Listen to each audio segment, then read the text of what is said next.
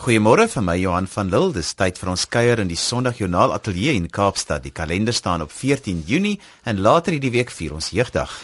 Goeiemôre ook van my Lisade Brein. Die program is Sondagjoernaal en ons gesels godsdiens en geloof op RSG 100 tot 104 FM. Ek en Johan het die strate ingevaar en gaan kuier by die Grote Kerk in Kaapstad wat hierdie jaar hulle 350ste bestaanjaar vier en ek het ook 'n draai gemaak by die Waarmakersvallei. Ons veldaanbieder Hilton Maurice het met 'n paar jong mense gesels en ons gesels ook met Gidi Loupser oor jong mense se geloofslewe en hulle plek in die kerk.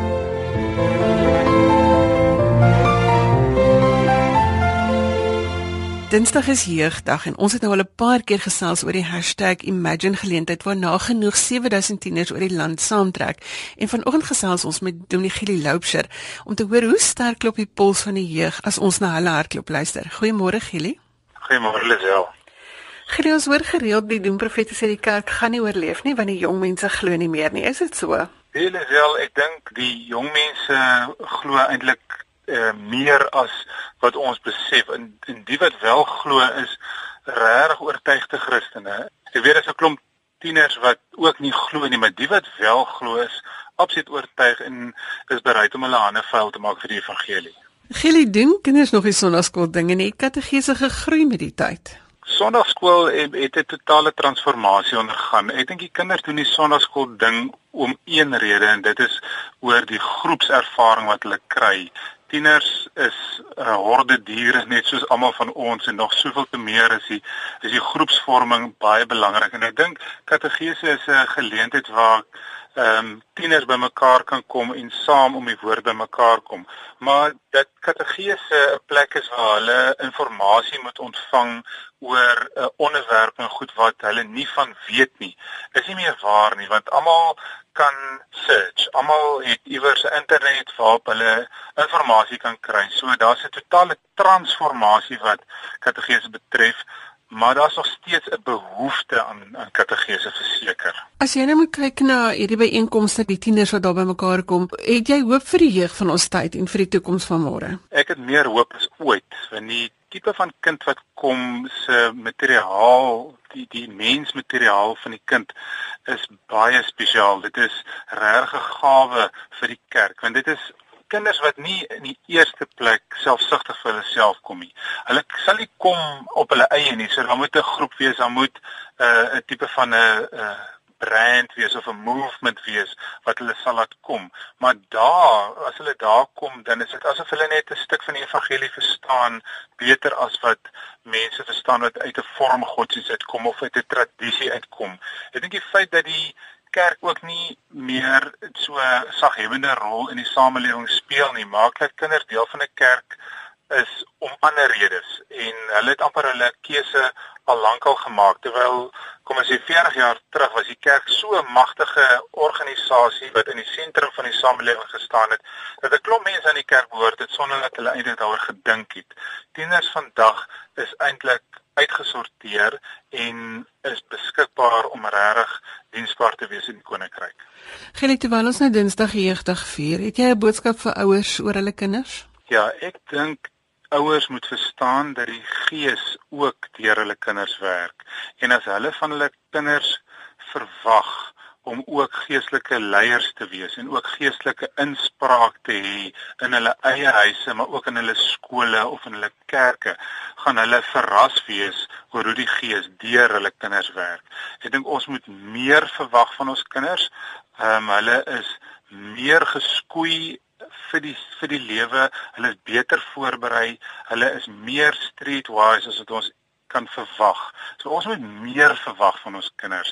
Dan gaan hulle, soos die Engelsman sê, live up to the expectation. Dankie Gili dat jy vanoggend jou insigte met ons gedeel het.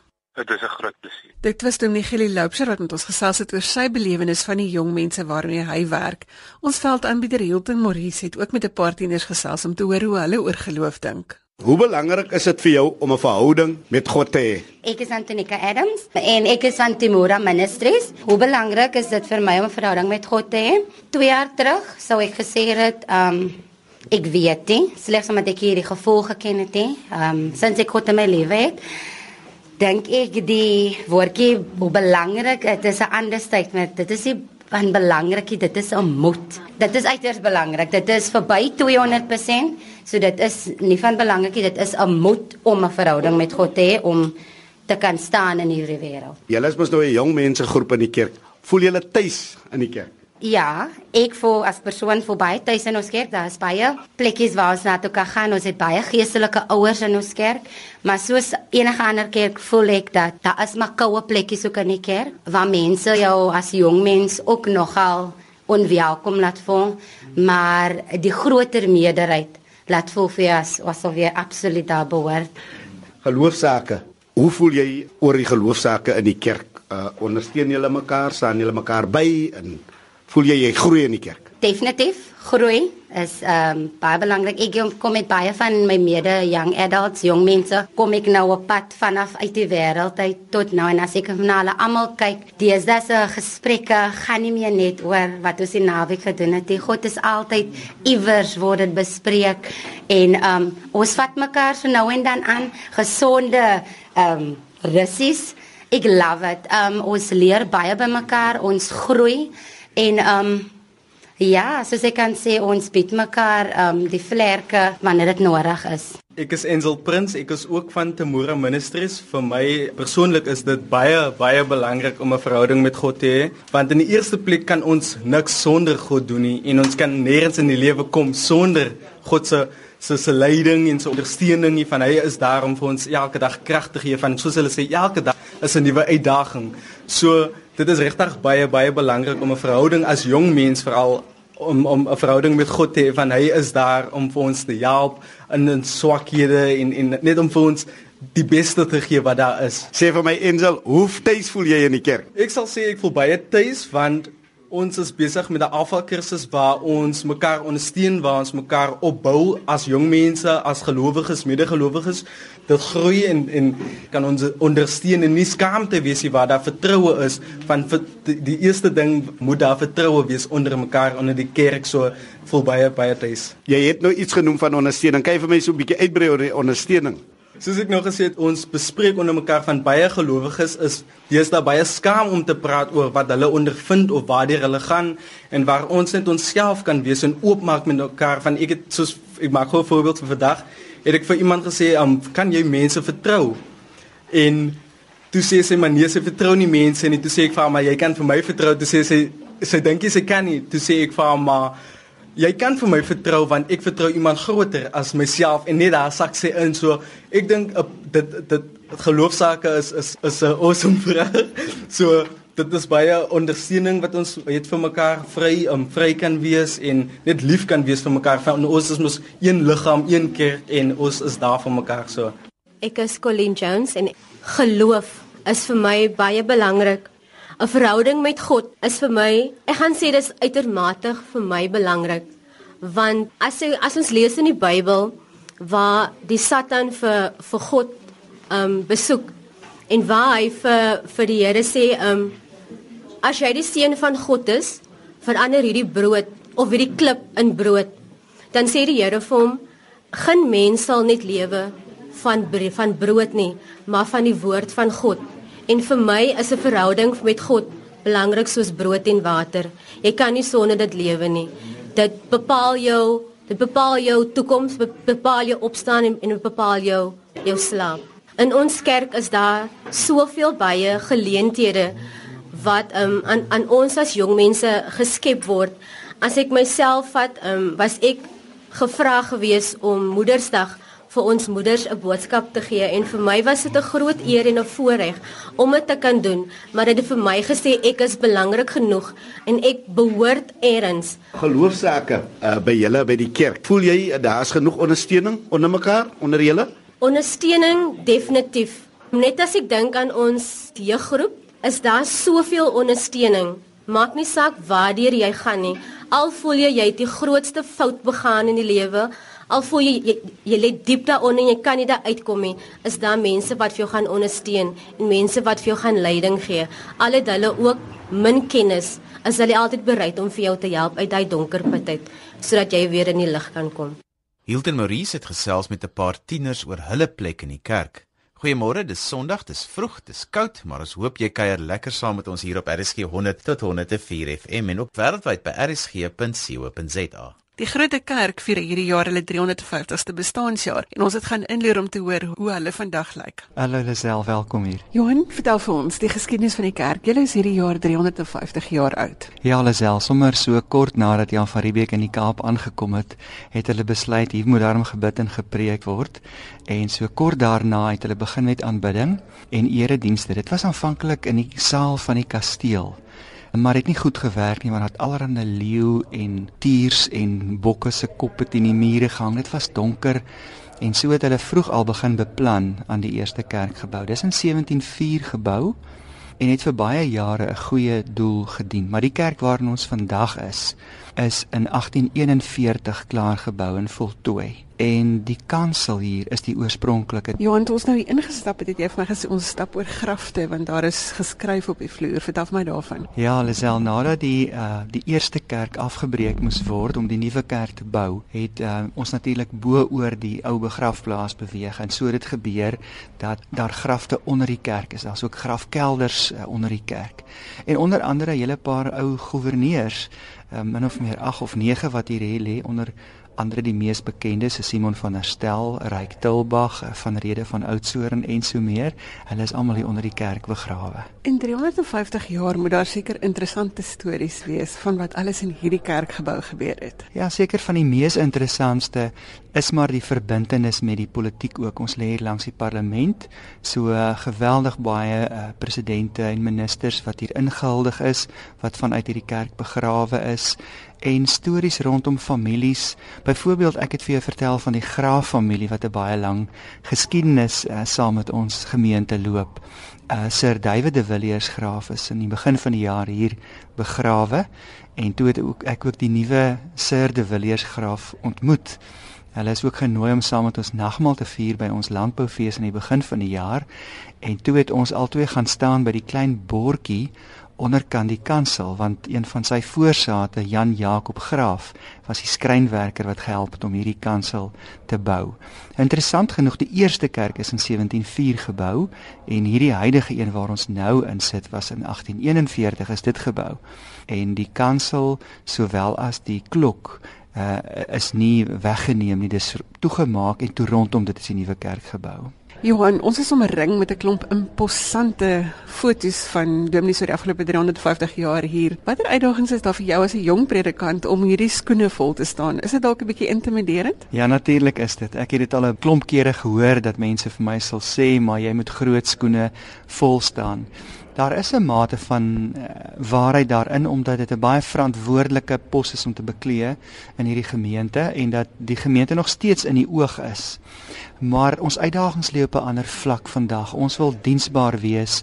Uh ons wil nie uh in beheer wees ensovoorts nie. Ons wil diensbaar wees in die stad en dit gaan vir ons oor vennootskappe met ander gemeentes en ander kerke en ons ons ons kyk meer na spanwerk as na individue wat sterk na vore kom. So op daai manier wil ons die bediening aanpak.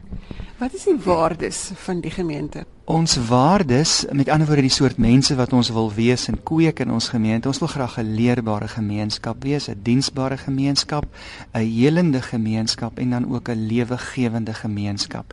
En dit vloei voort vanuit ons roeping. Ons wil 'n liefdesgemeenskap wees wat dien. En vir ons beteken dit om geanker te wees in die Here se liefde, om dit is ons wortels, dis waar ons vandaan kom. En vanuit ons wortels kan ons dan vrug dra. Dit is al die projekte en aksies wat ons aanpak. En as dit alles gebeur het ons 'n groot fees om te vier. Julle is 'n middestad gemeente, dit het sekere uitdagings en as jy sê julle wil tot diens wees van die gemeenskap. Julle is ook deel van die Echo projek waar julle 'n huis het waar mense saam bly. Ja, ons is deel daarvan. Dit is binne ons ring. Ons is baie opgewonde daaroor. Die inisiatief het nie hier by ons begin nie, maar ons het intussen daarbey aangesluit. Binne die vennootskap is ons by gemeentes in ons ring betrokke, byvoorbeeld soos in Woodstock en Eysterplaat, waarin ons uitreik en probeer om baie te help.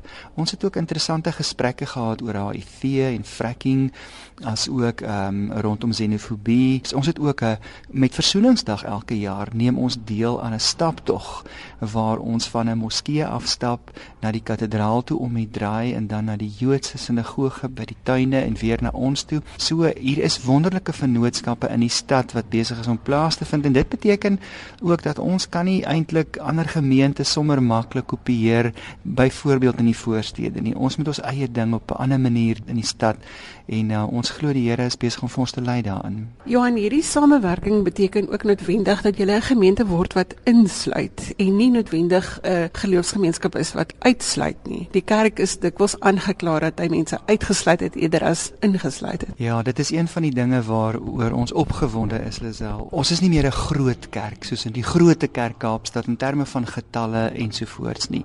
Daar waar vroeër jare lidmate gewoon het, is nou besighede waar Afrikaans sprekende mense uittrek trek anderstaliges in. So in daardie sin is ons nie meer die groot kerk nie, maar is nog nog steeds die groot kerk in terme van die al hoe groter impak wat ons wil maak in die stad en omdat ons 'n ruimer kerk is dink ek vandag. Almal is welkom in die voetspore van Jesus en by Jesus was almal welkom geweest. Ehm um, hy het nie mense uitgesluit nie. Hy het almal aanvaar soos wat hulle is. En dit is hoe dit by ons ook is. Ons wil baie graag nog 'n banier hier voorop sit wat sê almal welkom wat nêrens welkom is nie. Ons is immers die moeder, die moeder van almal en 'n ma verwelkom haar kinders. So almal is welkom by ons. Johan, en dit bedreig julle nie die feit dat julle met ander gelowe saamwerk. Die feit dat julle in hierdie middestad waar daar 'n mengelmoes van mense bymekaar is. Dis nie 'n bedreiging vir julle as geloofsgemeenskap vir die van julle wat in Christus glo nie. Nee, Lisel, ek dink iemand wat bedreig voel is iemand wat onseker is van hom of haarself en van hulle identiteit. Ons weet wie ons is en ons is lief vir die Here en uh, ons het, het geen onsekerheid daaroor nie en vanuit daardie wortels, daardie geankerdheid in die Here se liefde, het ons vrymoedigheid om te gesels met enige persoon. So ons is nie bang daarvoor nie en ons vertrou die Here vir die prosesse ook wat daarmee saamgaan. Daar's groot kwessies in ons land waaroor ons saam moet praat en saam in 'n rigting beweeg. Die tyd is verby van elkeen in sy jy en jou klein hoekie en ek en my. Ons moet as gelowe en as godsdienste en kerke saamwerk na gemeenskaplike dinge toe. Johan, ek is weer terug by die feit dat jy 'n middestad gemeente is. Hoe akkommodeer jy byvoorbeeld kom ons sê die jong mense in die stad? Dit is een van die goed wat my baie opgewonde gemaak het toe ek deel geword het van die verhaal van Grote Kerk. Ek het onmiddellik besef Grote Kerk het 'n groot sambreel wat baie mense kan toemaak omdat hier voorsiening gemaak word vir diversiteit. Almal is by al ons eredienste welkom, maar ons het drie fokuspunte. Op 'n Sondagoggend 10uur is hier in die Grote Kerk 'n klassieke Afrikaanse erediens met pragtige orgelmusiek. So dit voorsien in daardie behoefte vir mense wat dit baie graag wil hê. In dieselfde ruimte in die aand het ons 7 uur 'n erediens wat ons noem Hartklop. En dit is vir ons jong werkende mense in die stad. Dis alternatiewe musiek, dis 'n alternatiewe liturgie. Dis baie goeie koffie en wonderlike gesprekke en vriende wat hier saam kuier op 'n Sondag aand. En dan het ons ook 10 uur op 'n Sondagoggend 'n erediens by Camps Bay. 1929 is die kerkie gebou. Dit was bloot 'n wijk gewees van Grote Kerk en later het ontwikkel en so 'n eredienspunt geword. Nou word daar Sondagoggend 'n diens gehou en dis informeel, dit is sag, dis klein, dis intiem, dis warm en dit is gerig op ons gesinne, kleiner kindertjies, ons katkesasie is meestal daar. So dit is ons eredienspunte. Johan, jy is maar die klassieke voorbeeld van dat 'n mens geskiedenis vir jou kan laat werk en nie teen jou laat werk nie. As jy 'n boodskap het vir Suid-Afrikaners vandag wat sê kom ons gooi die verlede weg. Kom ons kyk net op die toekoms, wat sal dit wees? Ek dink 'n mens moet trots wees op jou geskiedenis van waar jy kom. As jy foute gemaak het, moenie skaam en bang wees om dit te sê nie. Uh ons is kinders van ons tyd en ons almal maak foute ooreenkomstig die tyd waarbinne ons is. So omhels ons geskiedenis. Maar dan wil ek ook sê ons moet ons jong mense vertrou. Ons moet hulle vertrou dat hulle in die tyd waar ons vandag is, dat hulle in leierskapsposisie vir ons moet help om vorentoe te gaan. Hulle is entoesiasties, hulle is lief vir die Here en dit is wat wonderlik is ook van ons in Grote Kerk, is dat hier's volwassenes, hier's jonges en almal wat mekaar vashou, mekaar nie laat los nie en saam vorentoe gaan. En die belangrike is ook dat ons 'n lewende geloof het, nê. Nee, dis nie 'n geloof wat stagneer nie dit is wat so opwindend is. Ons is gereformeerdes wat beteken ons is gedurig besig in die lig van die woord en die eise van omstandighede te hervorm. En dit is so opwindend, dit is so vreugde om dit te kan doen en om Jesus na te volg. Ek sê baie keer vir mense, weet jy, ek is nie presies seker waar ons gaan nie, maar ons weet wie ons volg. So ons loop in sy voetspore. En so gesels Lisel met Dominee Johan van Rooyen van die Grote Kerk in Kaapstad. Jy luister na RSG 100 tot 104 FM en elke Sondagoggend hierdie tyd gesels ons geloofsaake. Die potgooi van Sondagjoernaal sal môre op RSG se webwerf beskikbaar wees by rsg.co.za. Ek het ook gesels met die oralis van die Grote Kerk, Roshayde Tooi wat verlede week 'n spesiale Andrew Murray toekenning gekry het. Rashida Toy is al meer as 25 jaar betrokke by die Grote Kerk as oralis, maar ook as musiekdirekteur. Rashida, vertel eers vir ons, hoe het jy betrokke geraak by die Grote Kerk? Man, ek was eers oralis van St Mary's Kathedraal, toe ek oor see weer vir verdere studie die derde keer. En toe was ek eh, vir 8 jaar in Tamboerskloof en toe kom Dominee Smit wat uh, nou nie meer hier is nie en hy sê ons wil jou as oralis hier hê. Toe sê ek vir hom luister so ek kom nie by die agterdeur in nie. Dan moet julle die pos adverteer en almal moet 'n kans kry om aansoek te doen en dan sal ek gewoonweg aansoek doen en um, daar was 'n hele paar aansoeke gewees en toe het ek nou die pos gekry. Toe die Here maar hier blykbaar ingestamp.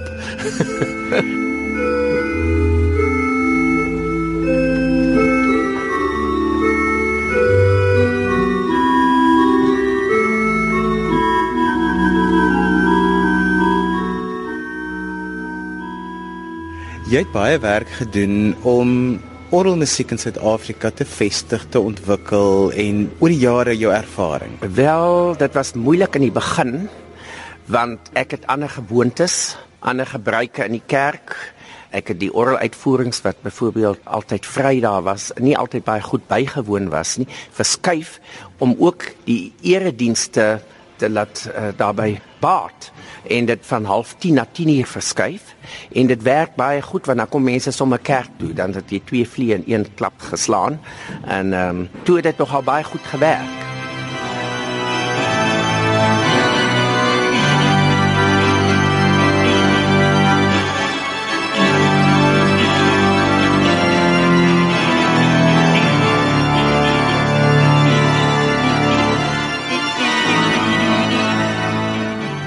Begin het ons nie koorbanke gehad nie, so almal moes hier op die orgelgalery staan om uh, koorsang te beoefen, maar ek het toe laat koorbanke uh, maak wat om die preekstoel is en dit kan 'n koor van 100 uh, huisves of uh, ja, hulle kan op staan. Dan kan ek die kore verdeel. Koor kan onder staan, koor kan bo staan en die koor kan op die galery staan. So jy kan van vier kante af kan jy musiek maak. Die kamerorkes, die groot kerkkamerorkes speel gewoonlik bo aan die een kant en dan staan 'n koor aan die ander kant van die orgel en dan onder is 'n groot koor want ons het ook windworks wat hier speel en hulle is braas en al die blaasinstrumente en dit is 'n 40 stuk wat ook onder is. En dan het ons nog die Scottish Highlanders wat ook in die kerk aankom partykeer. So die musiek het drasties hier verander. Ek het die tradisie van die skotte weer aangebring in die kerk vir die Highlanders, want eh, Andrew Murray was tog 'n skot en uh, die mense hou baie daarvan. En ons maak musiek op 'n groot skaal. Wat baie interessant natuurlik is is dat die groot kerk het sitplek vir 2000 mense. Die stadsaal is 1400, eh, St George's Kathedraal 800. So dit is 'n baie moeilike plek om te vul. Maar hoe meer musiek daar in die groot kerk is, hoe voller is die kerk. Die kerk is stampvol as daar baie musiek is. So dit is nogal eh, baie bemoedigend, moet ek sê.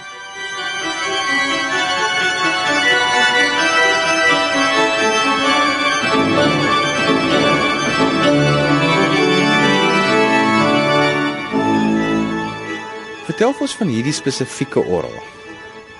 Die orgel is in 1958 in die kerk gesit. Ehm um, meneer Melang, Japie Melang was verantwoordelik vir die eh uh, uh, die orgel. Hy het uh, baie groot moeite gedoen om uh, baie mooi spesifikasies te kry vir die orgel en al die eer kom hom toe. En ehm um, dit was die Pels en Zoon van Alkmaar uh, hulle was die orgelbouers gewees. Uh, in samewerking met uh, Millers wat natuurlik seker nou die finansies gedoen het ensovoorts maar die orgel is regtig 'n pragtige orgel. En snaaks genoeg ek het vir die uh, Como fees in Italië gespeel 2 jaar gelede. En daar was ook 'n orgel uh, wat uh, uit Nederland uh, uh, gekom het. En hulle het dieselfde tipe van uh, klank. Baie briljant die die groot kerk se orgel het 'n briljante klank.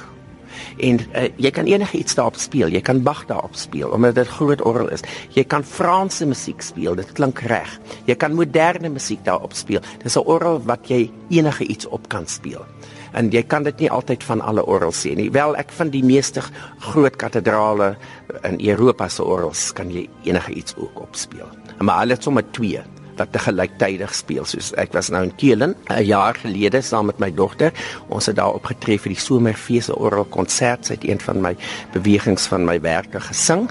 En daar is natuurlik nou na my tyd 30 jaar gelede was ek daar het ek daar studeer onder professor Zimmerman en uh, toe was dit net die orgel voor in die kathedraal en 'n kleiner een ook voor in die kathedraal. Maar hulle nou 'n nuwe orgel ingesit wat hulle noem die Schwabelnest orgel en die is in die middel van die kathedraal maar albei kan saam speel of hulle kan mekaar antwoord en dit is ongelooflik.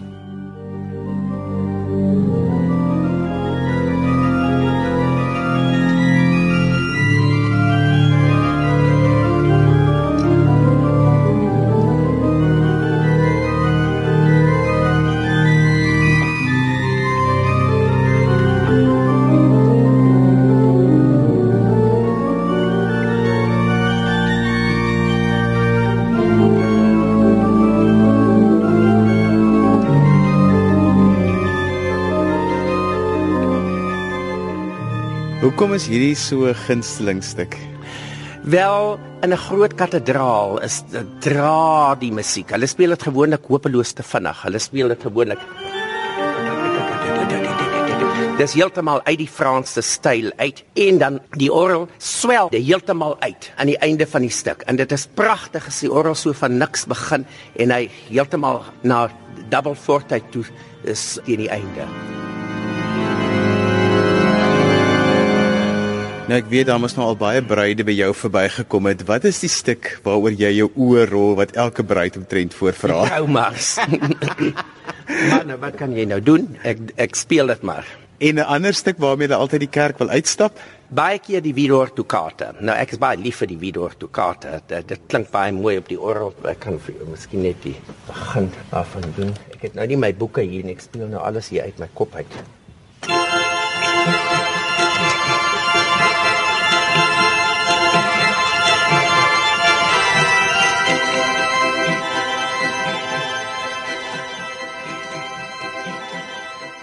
Kom ons praat oor kerkmusiek. Dit het nou baie verander die laaste ruk.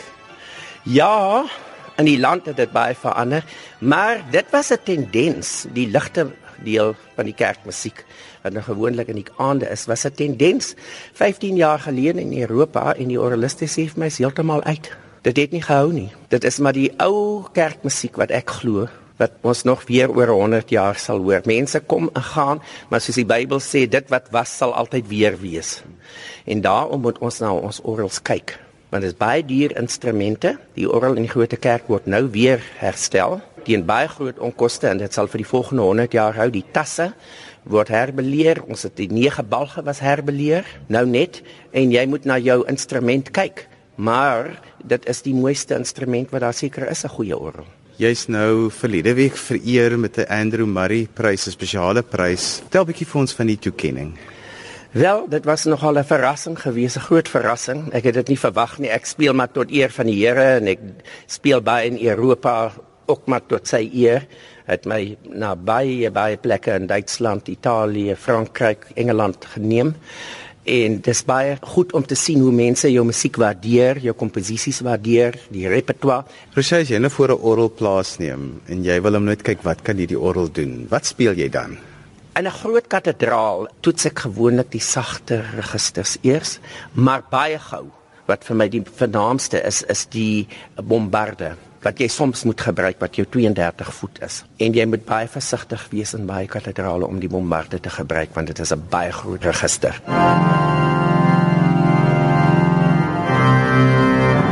En as jy hom alleen wil hoor, uh, dit is nie so goed nie, maar hy dreun geweldig baie.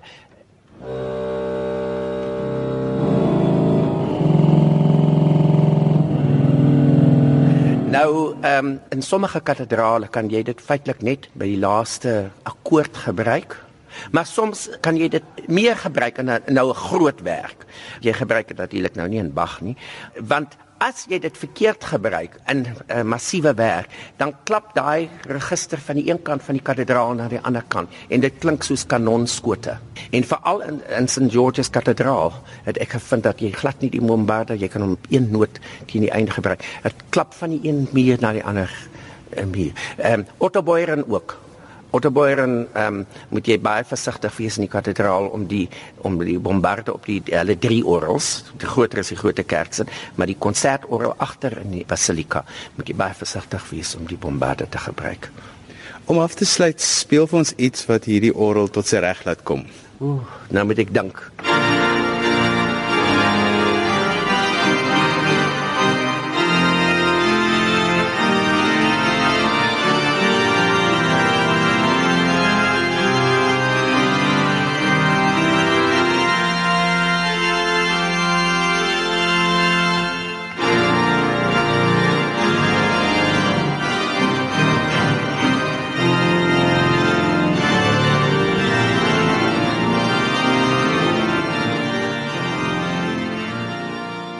Ons het foto's van die indrukwekkende orgel en kansel op ons Facebook bladsy gesit. Daar is ook foto's van die oorspronklike silwerware wat in die kerk gebruik is hier rondom 1735 en dit word vandag agter slot en grendel gehou. So gaan loer daarna hierdie besonderse stukke. Lazel het vroeër die week by die Waarmakersvallei gekuier. Hier is hulle storie. Ek kuier vanoggend by Elsabie Linveld. Sy is die sentrumbestuurder van die Waarmakersvallei Opleidingsentrum. Waarmakersvallei Opleidingsentrum is 'n sentrum wat die uh, Drakensberg area bedien. In kursusse hoofsaaklik doen ons uh, bejaardesorg of tuisversorging soos ons dit dan nou noem en dan ook baba en kleutersorg. Ehm um, ons het ook ander kursusse soos salonassistente en ons het ook 'n kook en 'n bak kursus. Ons het ook ander kleiner korter kursusse wat bestaan uit modules uit ons langer kursusse uit soos voedsel en voeding, finansies, Ons doen ook persoonlike ontwikkeling. Dit is alles eendag kursusse wat ons doen.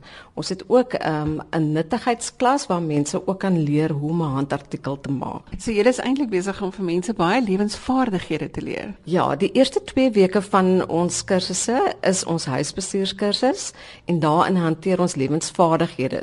Dinge soos uh, hoe om 'n CV saam te stel, huweliksverryking, arbeidsverhoudinge, ons doen 'n bietjie was, bietjie kook, bietjie stryk en ons doen ook die vyf tale van die liefde en sommer 'n klomp dinge.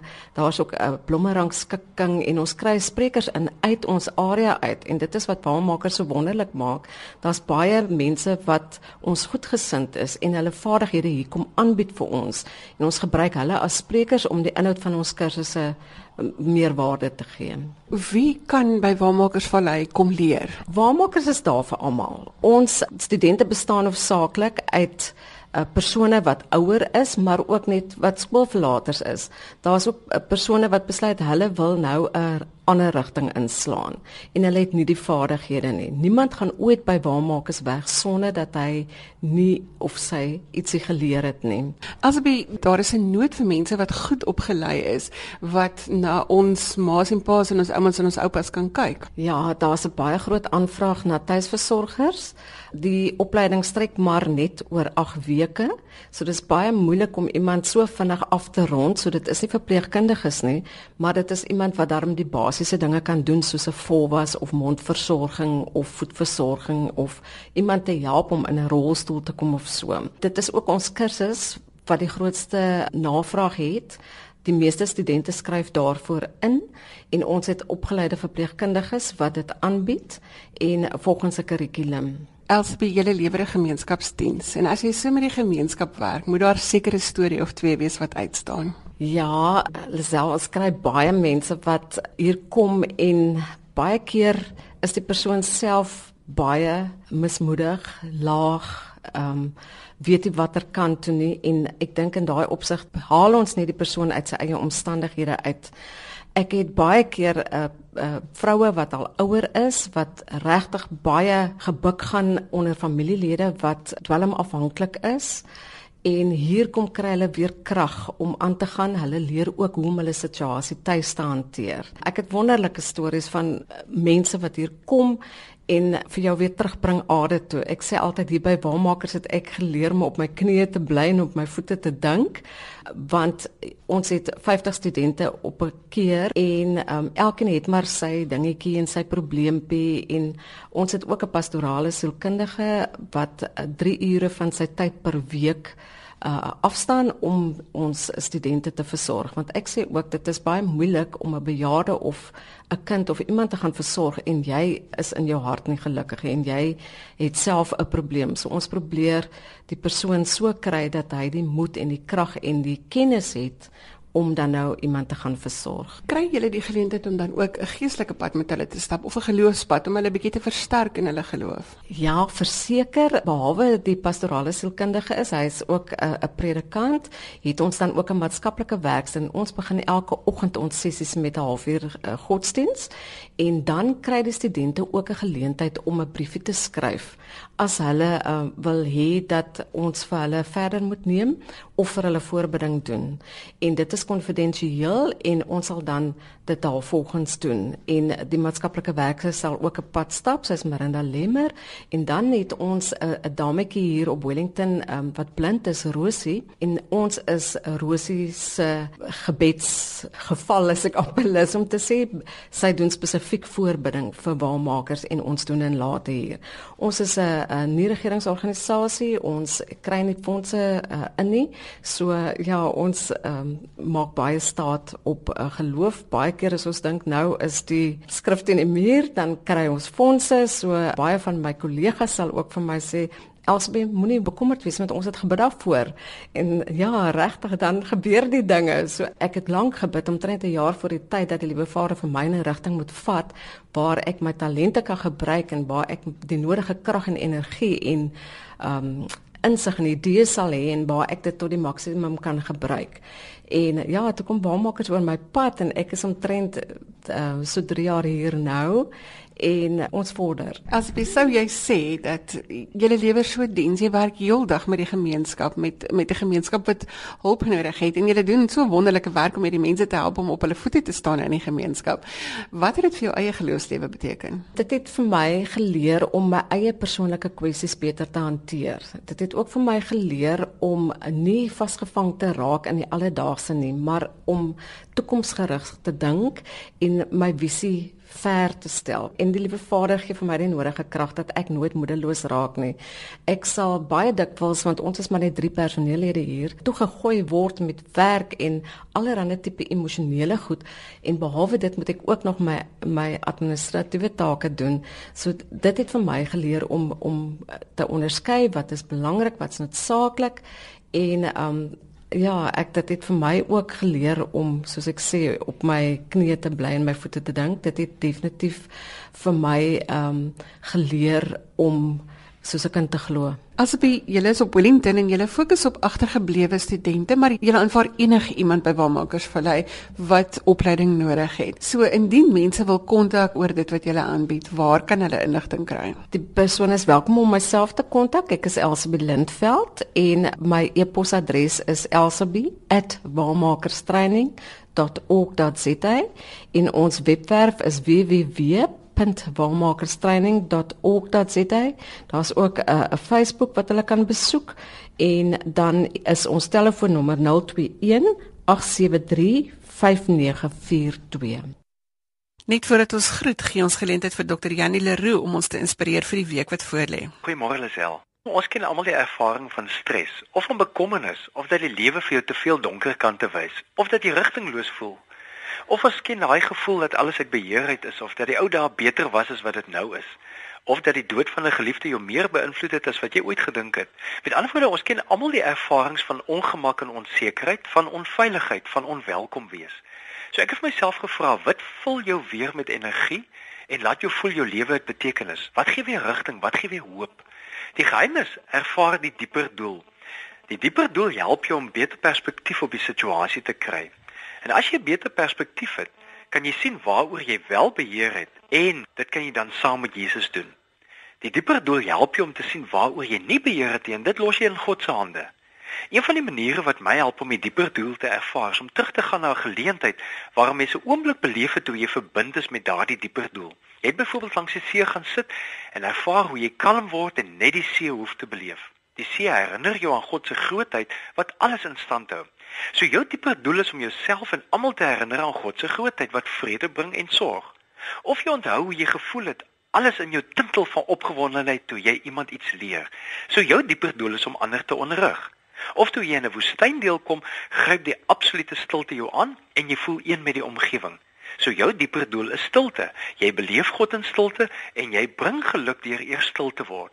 Of jou lewe voel betekenisvol as jy ander mense lei. Dit voel dis Jesus wat deur jou lei. Dan is jou dieper doel om leiding te neem. So as jy lewe so onseker of buite beheer voel, gaan terug in jou wonderlike herinneringe na waar jy daardie dieper doel ervaar het. Die dieper doel is nie so seer wat jy in die situasie kan doen nie, maar wat jy laat ervaar. God is saam met jou in die situasie. God gee vir jou daardie wysheid of vrede of leiding of gawe om uit te leef. Dan kan jy vir jouself sê wat Paulus herinner in Romeine 8 vers 28. Ons weet dat God alles ten goeie laat meewerk vir die wat hom liefhet. Dis uiteindelik die dieper doel. So onthou, ervaar die dieper doel. Dankie Jannie dat jy vanoggend jou wysheid met ons gedeel het. Sterkte vir die week wat voorlê. Dankie en baie seën vir almal. En daarmee het tyd geword om te groet. Vir meer inligting oor vandag se program gaan sluit aan by Sondagjoernaal se Facebook bladsy. Druk die blou knoppie wat sê like en vertel vir ons van interessante mense en dinge in jou geloofsomgewing. Tot later vandag waar ons in ons in die onderwys bietjie gesels oor boelies en hoe onderwysers dit in die skool moet hanteer. Van my Johan van Lille. Totsiens. En met die gedagte dat God hier teenwoordig is, groet ek ook tot volgende week. Tot dan, totsiens.